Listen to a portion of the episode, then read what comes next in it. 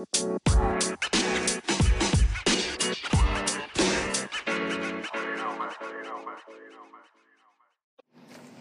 kembali lagi sama gua di podcast yang gak jelas ini. Asik. Uh, gua lagi sama perempuan nih, tapi juga uh, apa perempuan ini yang Jadi-jadian gitu maksud lo ya? Enggak kalau jadi-jadian gue harus Enggak. nyab, gua harus cabut paku di kepala dulu. Enggak karena emang kan konten gue kan tentang podcast daily jurnalis nih. Oke. Masa gue obrolan gue laki semua isinya sekali-sekali sama perempuan lah. Oke, Kebetulan ditunggu nih reporter gue, perkenalannya. reporter reporter gue nih. eh siapa dong kenalin dong? Oh ya, perkenalkan ya semuanya di podcastnya Jaki kali ini dengan gue Arina. Jadi hari ini tuh tepatnya di tanggal 10 Januari ya Jak ya. Di tanggal 10 Januari itu kita jalan bareng. Sebenarnya sih kita udah sering jalan bareng buat liputan, tapi kali ini gue baru pertama kali diajakin nih sama Jaki buat ngisi podcastnya dia. Wah ini kayaknya seru banget sih kalau buat isi-isi podcast menghitung bukan menghitung ya apa Eh, mengisi keisengan gitu sekaligus menghilangkan kegalauan oh iya Jaki ini kemarin kan sempat kena eh, sedikit musibah ya Apa apa apa? Kenapa? sedikit musibah Ah, eh gue gak musibah soal yang lain loh gue musibahnya soal banjir loh ini Iya. mau gue ngomongin Iya gitu lah. Gue gue udah panik aja loh pengen ngebahas soal itu. Soalnya ini bakal naik di Spotify. Ah, nggak apa-apa. Iya gak apa-apa kan Oh. siapa tahu ada yang dengerin ya siapa tahu mau minta balikan eh enggak ya balikan. Iya iya iya iya. Jadi itu tadi perkenalan gue sama gue Arina. Terus gue ini satu kantor sama Jaki gitu kan. Terus tadi kita liputannya eh, ke SD ya. Tadi kita ajak ya. Soal banjir juga Soal kan? banjir juga gitu. Jadi SD yang terdampak banjir. Jadi di Jakarta nih eh, ternyata banyak SD yang terdampak banjir. Nah mungkin salah satu contohnya ini di SD ini. Tadi kita ke daerah Keramat Jati dan di situ ada SD Negeri 19 Keramat Jati yang terdampak banjir. Timur. Jakarta Timur. Sedihnya adalah ya karena proses belajar mengajar ya pasti ya keganggu kan apalagi ngeliat anak-anak yang unyu-unyu gitu yang baru mau lulus kelas 6 SD menuju SMP tapi keganggu karena buku cetaknya semua kerendam air. Ya ampun sedih banget ya tadi ya kalau ngeliatnya kepala sekolahnya juga mukanya melas kayak gitu. melas kayak gitu dengan jawabannya lemes entah lemes ya belum makan atau lemesnya memang lemes kita nggak tahu. Iya, tapi yang jelas eh, yang kayak gini-gini nggak bisa buat dibercandain sih sebenarnya. Cuma eh, apa namanya ya sedih aja sih dengan kondisi seperti ini. Pokoknya siapa pun yang terkena dampak banjir kita juga prihatin eh, dan segera bantuan terus mengalir ke tempat kalian. Dan semoga eh, bisa cepat selesai bisa reda terus nggak ada banjir-banjir lagi terus pembenahannya juga lebih baik gitu jadi gue banyak nggak ngomong ya Jack, ya di sini ya jadi gini, jadi kayak uh, lu memperkenalkan, terus nanti uh, lu ngobrol, tapi ntar pasti gua ada sesi, sesi interview. asik ya ya ya ya uh, gua kan baru nih Oh, iya. jurnalis ini. Jurnalis ini ha, Ya, padahal udah mau dua tahun loh ini Jackie Ya, ngerasa maksudnya- anak muda gitu Ya, masih, masih baru lah. oh ya masih baru Cuman, ya Ya kalau mbak, mbak kan ya udah gila gue dipanggil mbak loh ini Eh, iya, gue manggilnya mbak. Gue manggilnya mbak, bukan Arin-Arin doang. Soalnya emang dari awal gue kenal Mbak Arin ya gue manggilnya mbak. Bukan gue panggil Arina atau Rin, Rin, Rin. Enggak. Gue pasti manggilnya tapi ya jadi gue merasa tuir banget di sini gitu ya. Masuk di Spotify Jackie terlihat gue tua banget di sini. Nah, tapi juga nggak gue apa-apa pasti nanti ada sesi interview untuk gue nanya-nanya. Lo sebagai reporter eh, pernah liputan ke mana aja gitu. Oh, gitu. Kalau kesahnya, capeknya, keselnya. Aduh, ya banyak kalau itu sih ya kalau Ah, ditanya terus negatifnya gedeknya atau enggak? Kalau gedek-gedeknya nggak usah kita sebut lah misalnya kayak kita mau wawancara orang yang apa kayak rakyat sipil lah maksudnya apa ya sebutnya? Masyarakat. Iya masyarakat. Nah masyarakat kadang suka takut takut takut. Ah, enggak aku takut ah takut. Ah padahal cuma wawancara doang. Iya benar. Ada sedikit gedek ya gitu Gitu. sebel gitu kan ya itu sama sih. Iya sih Terus jadi ini gue menceritakan keluh kesah gue nih Atau gimana nih Dimulai dari mana dulu nih? Kita iya, ngobrol. Oh iya, pokoknya tadi tuh setelah dari oh ya kita lanjutin tadi ya. Oh, iya, tadi habis kita liputan, wawancara kepala sekolah, terus habis itu eh, apa namanya eh, wawancara anak-anak gitu kan. Jadi kayak tadi tuh gue ketemu nggak ketemu sih ya, bareng juga kan kita. Ketemu satu anak yang pengen banget masuk di layar TV coba bayangin. Dan itu Katanya katanya pengen jadi artis pengen jadi katanya. artis gitu. Nah. dan pengen masuk di TV nah, akhirnya kesampaian jadi kayak dream come true gitu loh di saat gue wawancara tadi tuh kayak dia seneng banget Terus gitu dengan kan terus dengan gue gendong-gendong kamera gitu kan. Iya, gue masuk TV. Iya, gue masih TV gitu. Namanya kalau misalnya mungkin dia dengerin atau dia udah tahu banget soal Spotify nih ya, namanya Serlin. Gitu. Sherlyn. Jadi siapa pun namanya Serlin yang ada di luar sana SDN 19 Keramat Jati. nih dengerin ya nih buat kamu. Jadi makanya seru banget sih kalau liputan-liputan kayak gitu. Oh iya, tadi gak ngomong soal artis. Jadi ternyata itu ya Jack banyak banget yang masih nggak tahu kalau misalnya eh, masuk di dunia berita wartawan televisi ini dianggapnya artis. Padahal sebenarnya bukan artis. Padahal sebenarnya bukan artis Iya, ya bang. benar. Ini karena masuk di layar TV aja gitu kan, karena Iya. masuk kelihatan di TV, eh, terus habis itu semua orang bisa nonton eh, dan terkesannya ini tuh artis, kita itu jadi artis.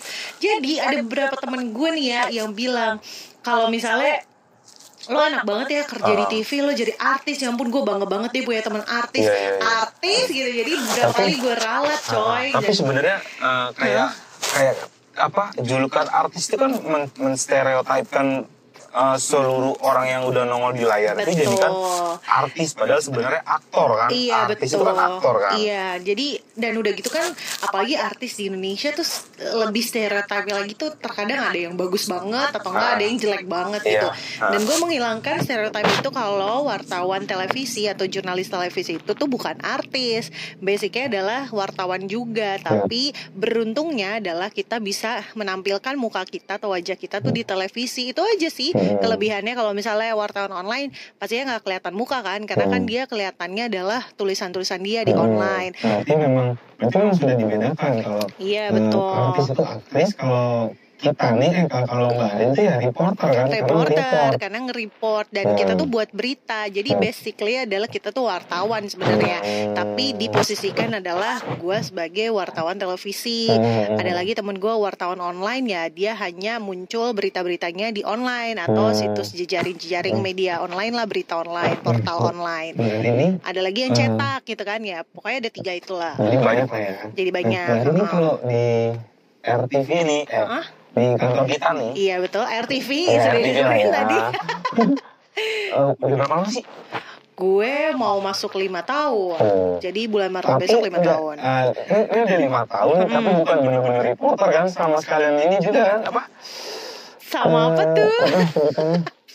news presenter news presenter. Iya, gue sekalian sama news presenter juga sih. Tapi sebenarnya basicnya adalah eh, sama-sama itu news presenter ya itu tadi balik tadi dia eh, menampilkan eh, ya wajah Ya. sama pembaca berita gitu. Jadi kelebihannya adalah membacakan berita di dalam studio. Hmm, Nah, kalau misalnya reporter TV membacakan berita atau live Melaporkan, report, melaporkannya itu di luar studio, di lapangan atau di tempat-tempat kejadian yang kita disuruh untuk meliput.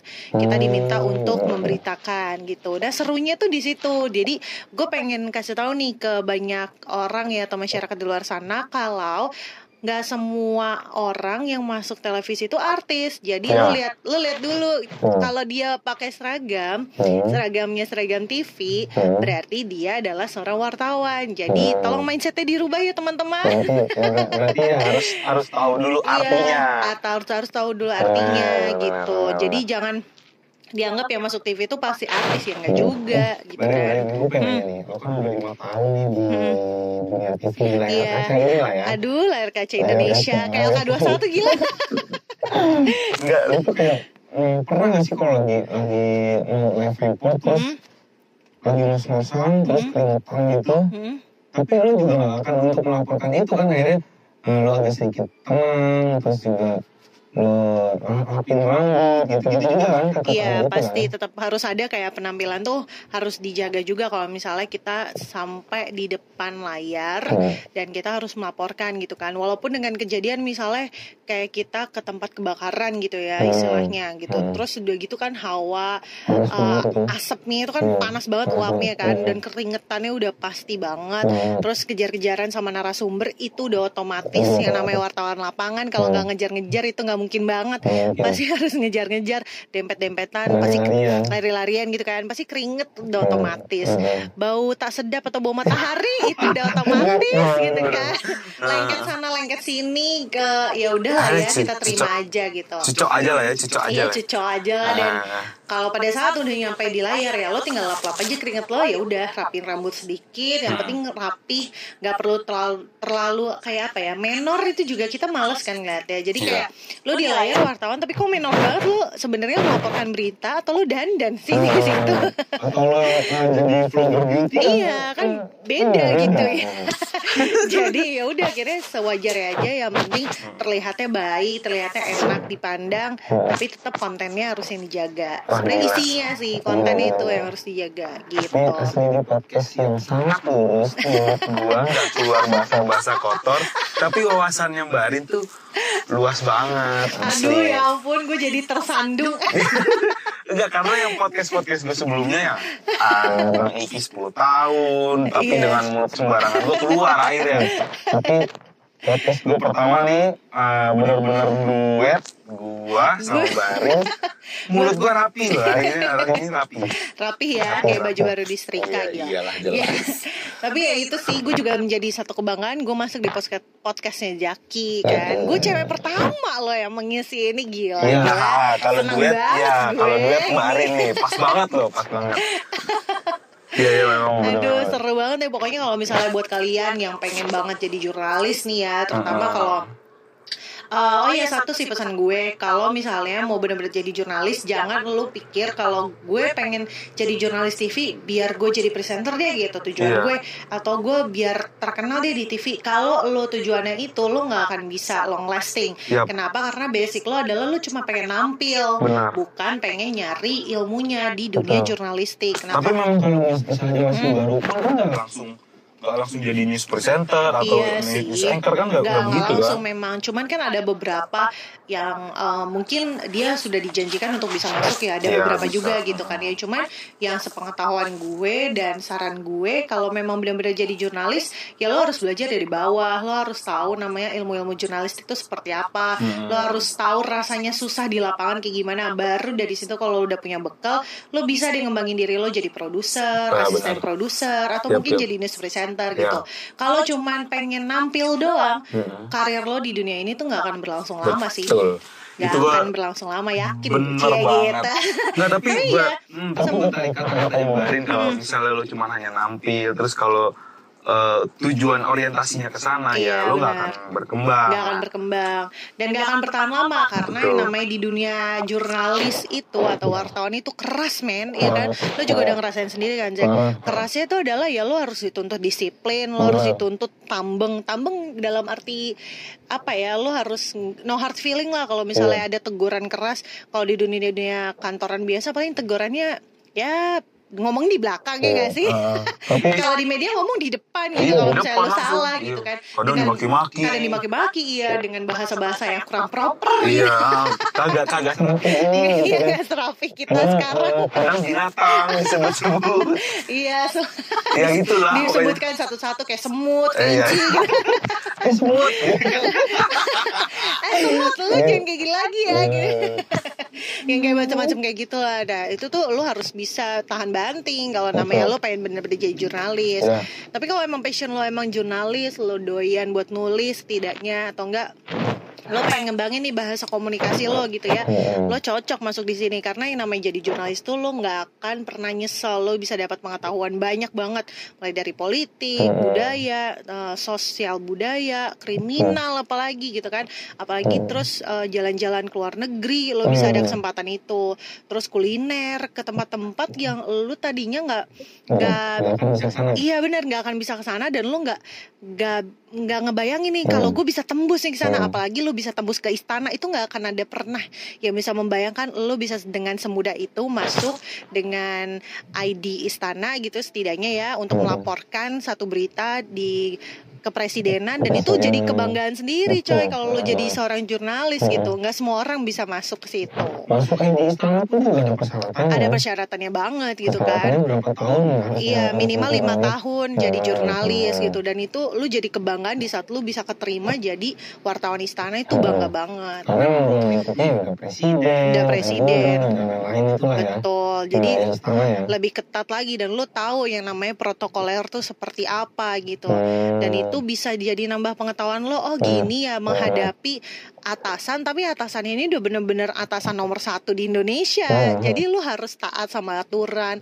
Lu udah ngerti tata negara kita. Wah udah sampai segitunya lah. Harus ilmu lu tuh udah dewa banget lah pokoknya kalau udah bahkan kayak gitu. sampai bahkan sampai kalau kayak RI satu ke daerah pun kita juga sempat diajak Iya gitu kita kan. kita bisa diajakin gitu. Jadi nggak akan pernah nyesel kalau lo memang passionnya di jurnalis lo nggak akan pernah nyesel untuk menjadi seorang jurnalis. Tapi ingat lagi balik lagi kayak tadi kalau cuma buat nampil lo nggak akan bisa bertahan lama. Yang ada lo begah Hmm. yang ada lo bosan yang Hmm. ada lo nggak tahan banting Hmm. kesel sendiri Hmm. sakit hati mungkin gitu ya dan Hmm. finally lo keluar gitu finally ini cuma sakit hati terus keluar. Iya, sakit hati keluar dan lo mencari jejak ya atau passion lo di hal lain Hmm. gitu. dan itu sama-sama buang waktu ya Iya, Hmm. karena minimal kan kalau di sini kan jurnalis ya dua tahun lah atau enggak tiga tahun gitu kan buat Hmm. belajar. Hmm. Kalau misalnya cuma setahun doang ya lu belum jadi apa-apa sih Hmm. menurut gue. Makanya aku masih belajar Asik. Tapi dua tahun dan seterusnya dong, amin gitu kan.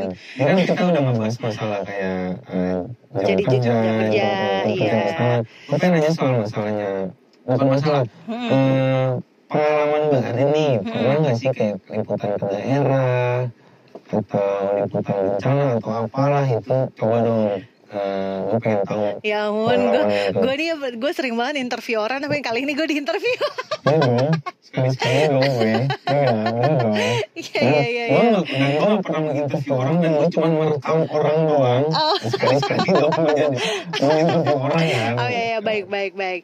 Jadi itu gue pengalaman kalau untuk bencana, to be honest gue belum. Eh, gue yang ada pasca bencananya doang dan itu pun satu hari gue nggak nginap gitu. Gue lebih sering dulu itu adalah liputan ke kriminal karena dari Hmm. awal gue masuk ke dunia jurnalis gue langsung dicekokin nih, Di- Hmm. dicekokin dunia kriminal. Jadi gimana caranya lo harus tahu darah Hmm. eh, korban, pelaku, Hmm. terdakwa, tersangka, terduga gitu kan. Hmm. Eh, dan itu pusing tuh dengan nama-nama Hmm. hukum gitu kan Hmm. apalagi pasal-pasal dan Hmm. harus ke pengadilan segala macam ke kantor Hmm. polisi Dan kan. dan gue harus tahu kasusnya Hmm. apa gitu dan gue harus harus datengin eh, crime tempatnya gitu kan Hmm. tempat kasusnya gimana TKP-nya iya. Dan gue harus tahu nih tempat kejadian perkaranya itu di mana. dan itu gue nggak boleh mundur gue nggak boleh takut dan gue nggak bisa takut gitu. Gue nggak bisa langsung nangis atau cengeng. Hmm. enggak nggak gue nggak mau gue nggak mau gue mau balik nggak bisa. Gimana aja lo telan aja deh di situ gitu. kalau misalnya lo ke TKP ada bekas-bekas eh, contohnya mohon maaf nih ya bekas-bekas kejadian parah banget yang terjadi di situ ya lo harus ngelihat dengan mata telanjang lo gitu dan Hmm. lo nggak bisa mundur lo Hmm. kalau disuruh on cam ya lo harus on cam di situ Hmm. gitu Dan- Gila. Dan itu terekam deh. terekam dan terekam gue tuh pengalaman pertama jurnalis dan langsung diterjunin di situ karena ada satu korlip gue yang bilang kalau misalnya lo mau maju eh, lo harus terjun dulu di eh, bidang kriminal Hmm. di mana di bidang kriminal itu lo bisa tahu namanya kehidupan tuh kayak apa dan di situ lo belajar buat penulisan nah kalau penulisan eh, naskah di kriminal itu kan jatuhnya in depth Hmm. Indep itu atau naskah yang lebih berbobot gitu ya, nggak Hmm. hanya sekedar naskah SPOK gitu ya. Hmm. SPOK lo tau kan bahasa Indonesia yang baku. Hmm. Hmm. Baku. Hmm. subjek, predikat, objek gitu Hmm. kan. Nah, ini lebih kompleks lagi. Nah, kalau lo udah bisa, lo bisa ngelewatin itu, lo bisa masuk ke level selanjutnya. Tapi kalau di jurnalis itu Itu bukan SPOK kan Mbak ya? Bukan, bukan SPOK. Apa sih kalau kalau di Eh, jurnalis tuh kalau penulisan 5W, naskah itu 5W 1H. 5W 1H. Nah, Yo. 5W itu kayak apa?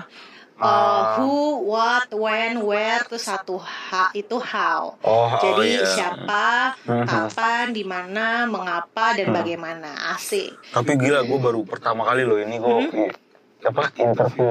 Reporter perempuan mau interview senior gue ini gue Ah bisa aja nih Zaki. nah bener baru sekali ya Hmm. pokoknya kayak gitu lah. Nah itu pengalaman gue di kriminal kebanyakan dulu awal-awal. Setelah Hmm. dari situ des kriminal gue pindah tuh ke liputan di tentara atau angkatan. Gue seru banget Hmm. kalau gue ke liputan ke angkatan karena gue muter-muter waktu itu. Eh, eh, eh, kalau gue bahas soal tentara. iya lu gue Hmm. tahu nih enggak, ujungnya enggak, gua, enggak, gua arahnya gak ke sana. Arah gue sana. Hmm, balik lagi ke Iya. balik lagi ke persoalan yang bahas banjir tadi kan. Iya betul. kalau gue kemarin beberapa hari yang lalu dulu tuh plottingannya ke eh, Maling iya betul. Itu eh, lo naik Hercules kalau nggak salah Eh, sih? bukan gue namanya naik pesawat CN 295 itu pesawat angkut sedang Ya namanya. pesawat angkut sedang yang ingin me, me- apa sih namanya yang bikin cuaca modifikasi cuaca Dan cuaca bisa dimodifikasi ya? Yoi, jadi gua bukan kan- penampilan aja, Iya. penampilan aja coy. Ya misalnya eh, mobil, motor modifikasi Iya, udah ya. biasa lah standar. Ini cuaca yang Eh, gue baru denger dimodifikasi deh ya. cuaca dimodifikasi Itu diapain? Jadi kalau misalnya cuaca dimodifikasi itu jadi eh, l- cuacanya ini nih Hmm. dikasih taburan garam. Nah garamnya itu bukan garam yodium ya, Hmm. bukan garam dapur loh ini. Hmm. garamnya Garam. garam tipis banget ukurannya tuh sampai mikrometer gitu. Hmm. Dan udah gitu bertabung-tabung ada 8 tabung Hmm. dan isinya satu tabung itu tuh sekitar 300 kg. Jadi total yang dibawa ke atas Hmm. atau di ketinggian 11.000 kaki itu Hmm. Ada totalnya 2.400 kg atau 2,4 ton garam. Hmm. Garam yang Garam loh itu ya, atas. garam yang ditabur di atas awan dan di atas awannya tuh nggak ngasal gitu ya disebar gitu aja enggak, Hmm. tapi di titik-titik awan yang nantinya bisa mencegah ha, hujan datangnya ke Jakarta, Hmm. tapi turunnya di tempat yang lain. Jadi si awan-awan ini nih di beberapa titik di luar Jakarta nanti ditaburin garam. Hmm. Nah setelah ditaburin garam itu dia akan menghalau hujan. Jadi hujannya nggak masuk Jakarta tapi masuk ke area luar Jakarta, which is Hmm. kebanyakan nanti turunnya di area laut gitu. Hmm. Jadi aman. Gitu. Dan itu seru banget gua pas naik di atas itu. Hmm. Gue naiknya selama dua jam naik pesawatnya itu. Pesawat itu masuk ke dalam awan-awan itu. Betul, jadi biasanya nih ya kalau kalau kita kan terbang pakai pesawat komersil, kita kan Hmm. menghindari awan Hmm. supaya nggak ada goncangan Ya, dong. turbulensinya. Iya turbulensinya Iya. biar aman lah. Lah Hmm. ini gue malah datengin awan bisa bayangin gak tuh Hmm. Jack? Hmm. Dan itu goyangnya parah. Hmm. Udah parah terus di dalam uh, pesawat itu tuh suhu udaranya lebih tinggi. Jadi Hmm. dibuat jauh lebih dingin di lu- dibanding di luar. Hmm. Jadi kondisi di awan itu kan dingin ya. Hmm. Dan di dalam pesawat tuh jauh lebih dingin. Kenapa? Supaya bisa mendorong si garam ini keluar dan Hmm. bisa ditaburin di awan Hmm, gitu. Pas lu di dalam pesawat itu, Hah? tetap ada bantuan oksigen sih? Hmm. Ada bantuan oksigen pasti. Kalau Kan. Eh, enggak, jadi uh, oksigennya itu udah otomatis di dalam pesawat itu, Oh, kecuali agak lebih dingin agak lebih dingin. Kecuali kalau misalnya terjadi sesuatu, Ya, ya. baru dipasangin oksigen. Yang selang oksigen. Yoi, tapi yang jelas kalau pesawatnya Hmm. TNI, Ya. PT pesawat TNI dibanding pesawat komersil, bedanya adalah kalau pesawat TNI tempat duduknya itu kayak tempat duduk diangkot coy. Jadi lo hadap-hadapan, Oh, iya. itu ya. Jadi bukan ngadepnya ke depan ke arah pilot, Hmm, hmm. tapi di samping. Nggak nggak ada bangkunya samping, udah kayak bangku angkot gitu lah. Hmm, tahu. Nah bangku angkotnya samping kan Hmm. kayak gitu Terus si supir ngadepnya ke depan ya kan Hmm. Kalau di pesawat TNI kayak gitu Jadi lu bisa ngerasain yang namanya miringnya kayak apa tuh Wah pesawat gila sih. Terus gue mual lagi Heeh. Lebih kacaunya tuh gue mual Heeh. eh, Dan sama dua setengah jam Gue gak tahu gue mesti muntah di mana. Iya terus. Karena Ah, iya. gue gak ada. Ada sih kamar mandi cuman kayak Gue gak bisa bergerak apa pun karena Goncangan itu. goncangannya juga plus eh, gue memang takut ketinggian sih Iya. gitu. Cuman gue nggak bisa menunjukkan gue takut sekali lagi gitu. Jadi ya gue diem diem diem diem meringis gitu deh pipi gue jadi akhirnya gue nunggu lah sampai sampai landing sampai di bawah lagi. Baru. gue baru deh sedikit eh, minum air putih supaya bisa mengeluarkan isi isi Iya. perut gue Ber- ber- yang yang penting yang penting relax lah ya. Iya, yang penting udah, relax, udah, udah, udah iya. landing, relax ya. relax landing dan Ah, kalau liputan TNI gue pernah sama lo yang waktu itu loh apa? yang mana tuh Jack? Uh, gladi resi HUT Mabes TNI. Kalau nggak salah ya, Oh, kita ber, yang kita berdua itu loh. Gladi Resik HUT TNI ya Ah, yang HUT kita ngeliatin pesawat bukan Bukan pesawat, apa pe- penerjun payung? Oh iya, yang Kita di kecil Halim kan? Eh, Halim. Oh iya Halim Iya, ya. di Halim kan? Di Iya. Halim yang Dan itu emang seru banget sih. itu baru gladi resik ya. Itu, Itu baru gladi ah, baru gladi resik terus gue liputan sama lo. Mm-mm. Ya udah cuma gitu doang. Tapi kita nungguin lama banget. Parah, ya. itu dari- dari pagi sampai jam Dari- 3 sore. Itu kita tim subuh ya Rin. Iya, tim subuh Tim subuh parah. baru balik sore. Iya, tapi beruntungnya dikasih makan. Iya benar. Ya benar. Di mana-mana wartawan kalau udah dikasih makan gratis, perut kenyang, aman udah. Ada aman deh beres Iya, ya. yang penting perut dikenyangin aja dulu Betul, betul, mah. betul. Betul, betul, betul. Tetap ya. Hmm, terus terus terus terus selain eh bu- bukan bukan selain Hmm. se kemarin lo naik pesawat yang CN Kayak itu lah ya 295, nah iya. terus lo pengalaman pengalaman liputan di TNI apalagi nih kira-kira Kalau pengalaman di TNI itu ya lumayan cukup banyak sih karena Hmm. setelah dari kriminal yang tadi gue bilang itu gue kan masuk ke desknya Kita sebenarnya kalau di RTV ini nggak ada desk ya, cuman Oh, ya iya. reguler aja gitu. Ya, reguler Tapi ya. eh, kebanyakannya, kebanyakannya di plot di mana gitu. Hmm. Nah, gue kebanyakannya waktu itu di plotnya di TNI Hmm. setelah dari kriminal itu. Jadi gue muter-muter tuh ke Hmm. TNI AU, ke TNI AD, Hmm. ke TNI AL, TNI AL seberapa tapi kebanyakan di marinirnya gitu. Dan itu seru banget. Gua pernah wawancara Hmm. pilot F16 Falcon itu. Lu bayangin F16 pesawat tempur kita nih, TNI AU kebanggaan Indonesia NKRI coy. Gue wawancara pilotnya. Beuh. Yoi. Dan gue wawancara salah satu pilotnya itu sebenarnya salah satu kebanggaan sih karena gue bisa make baju mereka, baju pilotnya mereka kan jumpsuit gitu kan. Namanya itu G-suit. G-suit itu gravi- uh, gravity suit. Jadi um, semacam uh, bajunya ya lu bisa lihat kan kayak baju yang langsung masuk gitu loh. Kira itu kayak baju-baju apa sih namanya kayak baju-baju anak PKLSTM gitu. Cuma tambahin emblem-emblem. Tahu yang belum enggak namanya G-suit dan itu bajunya uh, lu harus press body karena itu kan nanti kalau misalnya lu dibolak-balikin untuk pesawatnya lu harus sesuai dengan gravitasi badan lo makanya namanya G-suit. Gue pakai itu dan ada yang pas ukurannya eh saat itu gue masih kurus ya gitu kan. Masih. Nah, masih iya perbedaannya naik 7 kilo. Aduh udah gak usah dibahas ya gitu nah terus udah kayak gitu em, apa namanya gue pakai itu dan gue wawancara di samping pesawatnya. jadi tuh pesawat kan rada tinggi ya jadi perlu pakai tangga dan gue agak sedikit masuk sedikit lah badan gue gitu. jadi gue bisa ngeliat interior dalamnya. Berarti gue bangga banget coy abis dari situ gue foto-foto sama depan tuh pesawat. Iyalah. gila kapan lagi gue bisa ngeliat F16 secara deket kan Iya, benar, gitu. benar, benar. dan itu itu gue pajang tuh di Instagram. Ya. Tapi, tapi banggaan juga lo pakai baju itu kan. Yoi kebanggaan itu dan udah gitu secara em, eksklusif ya gue wawancara pilotnya itu secara eksklusif pilotnya masuk di pesawat itu gitu. Terus gue wawancara dari luarnya. Tapi posisinya tuh pesawatnya diem ya. Iya. kalau posisinya pesawatnya di atas gue wawancara di luarnya gue berasa kayak Iya, hero ya iya. Melayang aja iya. gitu kan ya. melayang udah kayak astronot Ah, nggak mungkin nabrak awan Iya. gitu. Terus mic-nya biasa aja gitu. Kenapa? Iya, biasa aja. Dan itu kayak nggak mungkin. Iya, iya, betul. Jadi itu seru banget. Gue Hmm. waktu itu singet gue, gue wawancara pertama kali gue datang di TNI AU, gue wawancara sama Eko. Nah, ada campers gue namanya Eko. Terus Ah, Eko kayaknya gue kenal deh siapa. Iya, Eko Sulistiono ya di studio Oh sekarang iya. kan. Ah, nama samarannya siapa ya? Jokel. oh iya, Bang Jokel. Aduh, Jokel di mana pun kau berada saat-saatnya Jokel. Terus udah gitu setelah dari Jokel itu gue wawancara eh, lanjut sama si pilotnya eh, bareng dulu nama campers gue Bang Andi. Iya Andi ya kalau nggak salah ya. Iya kayaknya Andi deh. Gue lupa Itu- pokoknya aja gitu. itu gua- ya pokoknya Bang Andi saya saat juga Bang Andi. Itu Kayaknya masih dia sekarang kuliah udah kali di, ya. di Sukabumi kayak. Iya, gue masih kuliah itu kalau lo Iya, iya, Bang Andi, gue gak kenal Bang Andi siapa. Iya banyak Bang Andi ya. Random banget gila. Terus terus terus.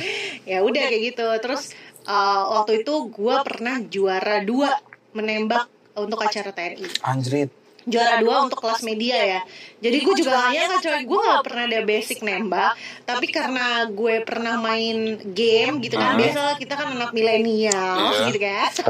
Terus main game yang gamenya itu ada tembak-tembakan ya gue coba aja. Pas ada kejuaraan TNI untuk media nih kalangan media jadi dibagi tuh untuk yang media yang cowok sama yang cewek. Nah yang cewek tuh eh, kejuaraan nembaknya ikutan. Gue ikut-ikut ngasal aja waktu itu. Eh juara dua men. Dan medalinya masih ada sampai sekarang. Tapi tembak- gila bangga banget gue tapi tembak-tembakan itu tembak-tembakan asli atau bu? asli. Jadi Serius bukan asli? jadi bukan tembakan mainan yang kayak eh, pil-pil apa Iya sih? gitu, kayak yang peluru- peluru- peluru plastik itu ya, kan. yang kalau misalnya kena badan jatuhnya Bentol doang, bentol. ya atau gue. kalau yang ini kena badan lu langsung die coy Iya, karena peluru die. asli kan? iya peluru peluru asli ya pasti Tapi juara dua. juara dua Nah. gua tapi itu emang asli ya uh, pelu- apa namanya kayak semacam pistol gitu ya Iya. itu berat banget Berarti gitu. apa handgun ya? handgunnya terus iya. eh, jenis jenis jenisnya gue nggak tahu gue lupa gitu Magnum dong. iya pastinya Yang- yang jelas ditembakannya enggak- ke ke contoh orang gitu loh jadi Iya, kayak plastik berarti, gitu Berarti si pelurunya yang lewat bawah. Oh iya, Ya, bawah. eh, tapi itu berarti udah diisiin, tapi Iya, itu udah diisiin, diisiin. Jadi iya. gue posisinya cuma tinggal Ya, nembak tinggal aja, nembak namanya kan aja. juga lomba Nah, kan ya. Gue belum pernah megang senjata, tapi gue pengen nanya nih soal soal, soal sama Mbak Rin. Hmm. Itu pas lagi lo pegang, pas ma matuk tuh goncangannya kenceng gak sih? Kenceng, kenceng. Gue agak kehentak ke belakang gitu. Jadi Hmm. apa namanya? Gue baru pertama kali megang dan pas gue coba blok gitu, gue kayak ke dorong ke belakang Iya. otomatis gitu karena senjatanya aja udah berat. Posisi Iya. badan gue dulu semampai kan, Iya. kurus gitu ya. Ah, sekarang juga Eh, masih kurus iya. kok. Iya. semampai semeter tak sampai gitu. Iya. Terus dari itu gue megang uh, handgun yang gede gitu agak sedang lah dibanding badan gue ini kan gue bisa keloncat gitu sekitar Iya. 50 meter tapi untungnya ada mas-mas tentara yang menjaga Iya. gue gitu ya Tapi di terlepas dari genggaman lo kan? Enggak. Itu hebat loh. Handgunnya gitu. Iya. Kalau mas-mas tentaranya gue mah nggak akan pegang-pegang apa Iya, juga nih. Gue takutnya tuh tuh handgun itu Kelepas, kelepas gitu ya gitu, maksud enggak. gue. Nah itu gue gak nyangkanya abis itu gue juara coy Gila, Juara dua juara dua, gila lu. Medalinya masih ada tapi sayangnya karena ini voice sih jadi gue gak bisa mamer bener bener bener. Nggak tapi tapi memang semua itu ada hikmahnya ya. Lo dari dong. dari kriminal terus ke TNI dan terus akhirnya Iya akhirnya gue Dapat. tahu nih ujungnya. Ya. Ya, terus terus ya memang Tuhan Tuhan itu memang baik. Iya Tuhan itu baik. Jodoh tuh macam kayak wiper coy. Betul, bener Jodoh banget. tuh kayak wiper ya, Lu tau wiper mobil ya? Tahu gue tahu. Jadi kalau misalnya Lu nyari ke mana-mana Ke kiri kanan Terus lu ngadepin spion juga Which is spion itu masa lalu kan? Iya, betul. Lu gak akan bisa ngeliatin masa lalu di belakang iya gitu. benar Dan ternyata jodoh lu tuh di wiper di, lu di men. depan lo kan? Di jodoh itu di depan lo depan gue persis gitu. Dan itu jadi kayak wiper coy. Hmm. yang lu nggak kelihatan tapi ternyata itu jodoh lu. Nggak nyangka juga sih gue Iya, gitu. karena memang lo sering di ternyata gue di dulu di lingkup TNI ya. dulu ya gitu tapi setelah dari lingkup TNI ini gue keluar Iya. terus gue pindah lagi desnya cuma memang jodoh nggak mana sih Benar. ujungnya ke bapak-bapak itu Iya, lagi kan yang- ke tentara ya, lagi berseragam gitu. lagi. berseragam lagi Ah. pastinya tapi kali ini yang di laut nih ya Uh, kalau air itu beda. kalau air. Tapi kalau gue sebut di podcast gue boleh gak sih? Biar biar biar salam kenal juga lah, biar hi juga lah. Iya, salam kenal kepada Bapak Letu. Ya buat Bang Charles lah ada langsung gue tembak deh. Aduh Bang, Bang Charles keren keren keren. Iya, ya, di mana pun berada sehat-sehat ya. Sehat-sehat Bang Charles. Kapan-kapan kita mau ketemu ngobrol-ngobrol Bang Charles. Bukan di podcast doang ya. Iya, bukan di podcast doang. Ya, Berarti emang juga ada Tuhan tuh baik ya. Tuhan tuh baik gitu. Lo kalau nyari jodoh di wartawan juga bisa coy. Ini Jadi- buat gue atau buat siapa nih? buat siapa pun.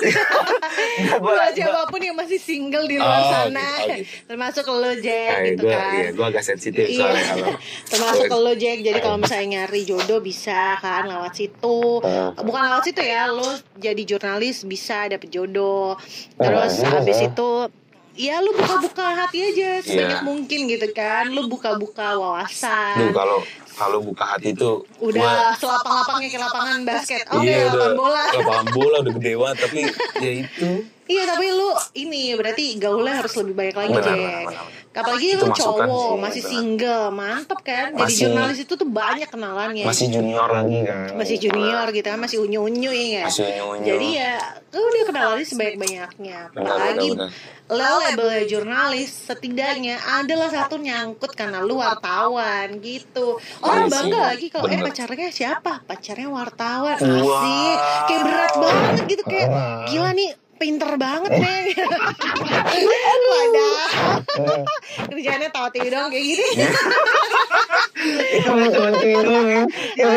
Tahu TV hina-hina gitu. Tahu kerjanya iya tahu TV makan mecin batagor cilok.